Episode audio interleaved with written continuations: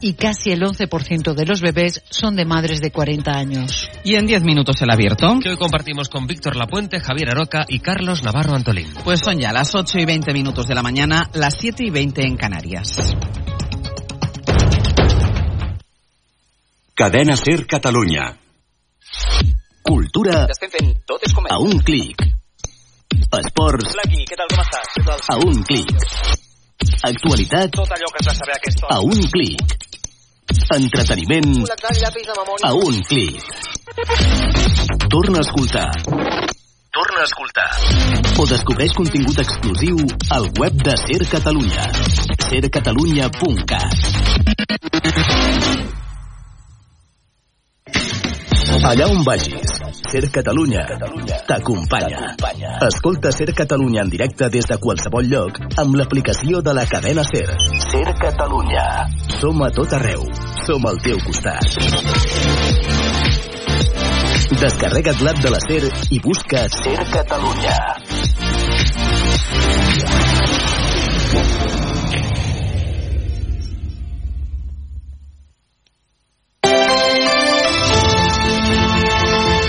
Hoy por hoy Catalunya. Sergi López. Què tal? Molt bon dia. Notícia que us estem avançant avui a la SER. El Servei d'Emergències de Catalunya desmunta la tesis terrorista del jutge García Castellón en el cas de l'ocupació de l'aeroport per part del Tsunami Democràtic quan es va conèixer la sentència del procés. Emergències li diu al jutge que van optar pel trasllat en helicòpter de l'home que havia patit un infart i que va acabar morint perquè és el mètode més ràpid de transport per a una persona en estat greu, no perquè estigués col·lapsada la carretera que dona accés a l'aeroport. Ara ampliem aquesta i altres notícies. Abans, la informació servei. Comencem amb el temps. Avui ha de fer calor, oi, Jordi Carbó? Avui és el dia que més pujaran les temperatures de tota la setmana. Ara fa poc fred, temperatures semblants a les d'ahir, màximes de 20 a 25 graus, les més altes a l'interior de Girona a prop dels 25, amb sol la major part d'hores i vent de ponent i de garbí reforçant-se durant la tarda. En part aquest serà el responsable de l'ambient càlid. I quan arribi la nit es taparà xàfecs al Pirineu i Prepirineu a partir de la mitjanit amb neu al voltant dels 1.000 metres i entre aquesta matinada i demà al matí a les comarques de Girona també a la costa hiperlitoral de Barcelona, la mateixa ciutat de Barcelona, xàfecs, eh, alguns descarregant amb forta intensitat, però no seran generals. Anem ara al RAC per saber com està el trànsit. Alex Huguet, bon dia. Molt bon dia, s'ha normalitzat ja la situació després d'un accident a la sortida de Barcelona per la C58 des del nus de la Trinitat, però hi ha cues encara en trams de les rondes fins a aquest nus, a la B10 des de Sant Adrià i a la B20 des d'Horta en sentit nord. Retencions habituals a la xarxa viària, destacant la C58 també en sentit sud, entre Terrassa i Sant Quirze, molt plena aquests últims dies durant 5 quilòmetres, i trams com la B23 a Molins de Rei, també cap a Barcelona fins a la 2, la P7 a Santa Perpètua en sentit sud o la sèrie 7 a Parets cap a Mollet i les rondes també en sentit Llobregat, sobretot la litoral, que va molt lenta durant 7 quilòmetres entre Sant Adrià i la Barceloneta. És tot des del RAC. Bon dia.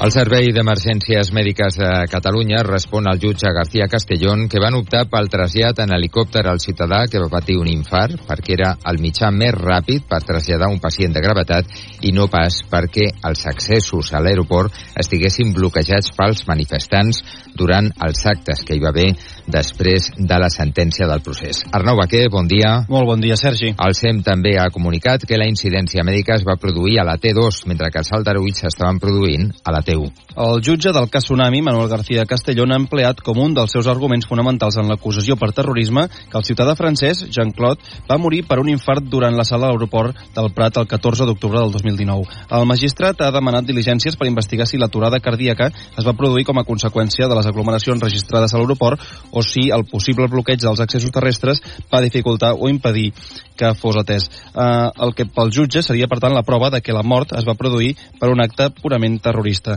Però el SEM, el Servei d'Emergències Mèdiques de Catalunya, desmunta la tesi del magistrat.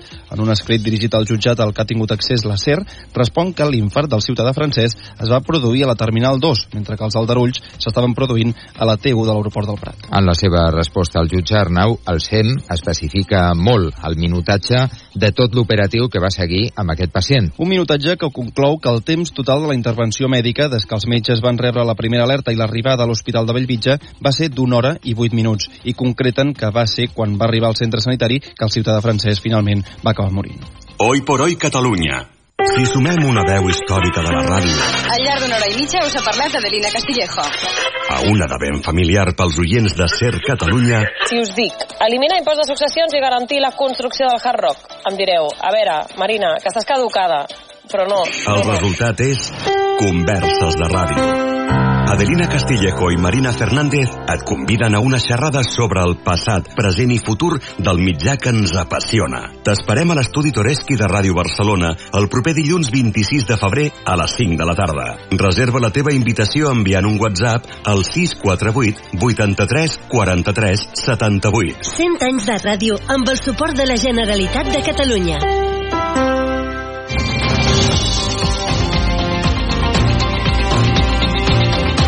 Anem ara amb un dels que serà principals temes del dia perquè avui sabrem el contingut de la sentència del judici contra Dani Alves per presumptament violar una jove a la discoteca Sutton al desembre del 2022. L'Audiència de Barcelona l'ha citat avui a les 10 del matí per comunicar-li el veredicte. Dues setmanes després de la fi del judici, Dani Alves tornarà a ser traslladat en furgó policial des de la presó de Brians 2. El futbolista, que fa més d'un any que està en presó provisional per evitar el risc de fuga, s'enfronta a una pena màxima de, do, de fins a 12 anys màxims de presó. Més coses, el Parlament porta al Congrés dels Diputats que els delictes d'abusos sexuals infantils no prescriguin. Una iniciativa que ha tirat endavant amb els vots a favor del PSC, d'Esquerra, Junts, els Comuns i Ciutadans. Ara cal que la cambra baixa, a Espanya, li doni llum verda. Sí, ahir es va fer un primer pas al Parlament, però ara cal que, com deies, la cambra baixa doni llum verda i que, per tant, sigui el Congrés dels Diputats qui accedeixi a reformar el Codi Penal. Una reforma que no tindrà caràcter retroactiu, però que servirà per protegir els menors a partir d'ara.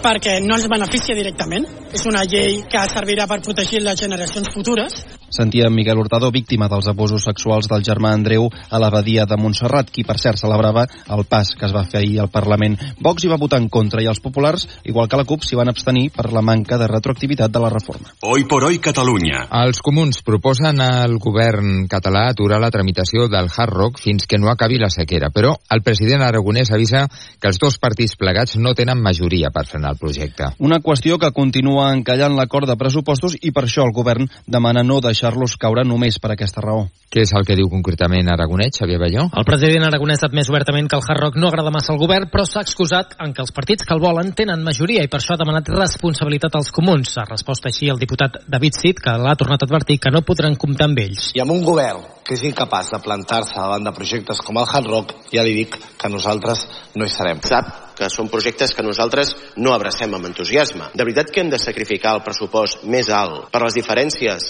amb un projecte que no és immediat, que en aquests moments no hi ha les majories en aquest Parlament per canviar-ho? Els dos partits busquen una solució que permeti desencallar l'acord de pressupostos, tot i que l'exigència dels comuns xoca amb la del PSC, que vol que es tramiti ja el projecte. Parlem ara de ciència, perquè l'Hospital de Sant Pau de Barcelona utilitza una tecnologia pionera que permet confirmar o descartar la presència de càncer de pulmó en zones fins ara inaccessibles. Actualment, més del 70% dels casos de càncer de pulmó es detecten en una fase avançada o molt avançada, quan ja no és possible la cirurgia. Amb aquesta nova prova es pot accedir a àrees perifèriques del pulmó a les quals no s'hi pot arribar de cap altra manera i determinar, per tant, si el nòdul que hi ha és maligne o no. La incorporació d'aquesta tecnologia permet triplicar els diagnòstics i poder intervenir a temps.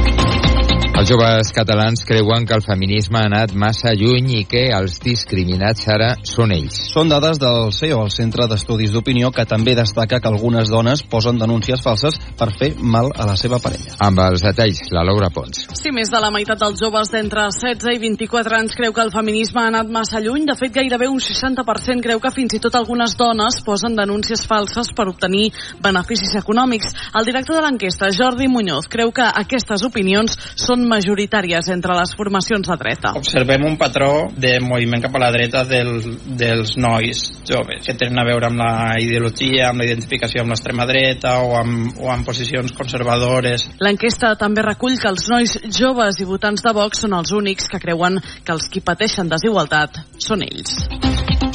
El Barça no va poder passar de l'empat a 1 al camp del Nàpols en partit anada dels vuitens de final de la Champions. El resultat no és dolent, però els blaugrana van jugar bé fins que es van avançar al marcador i van deixar escapar la victòria. Joan Dausà fa història i aconsegueix omplir Vista Alegre a Madrid.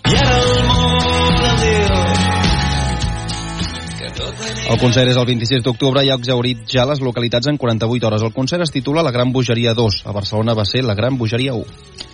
Tot anirà bé, diu Joan Dausà, és el que us desitgem. Que tot us vagi bé. Arribem a dos quarts de nou. Bon dijous. Els queda lliure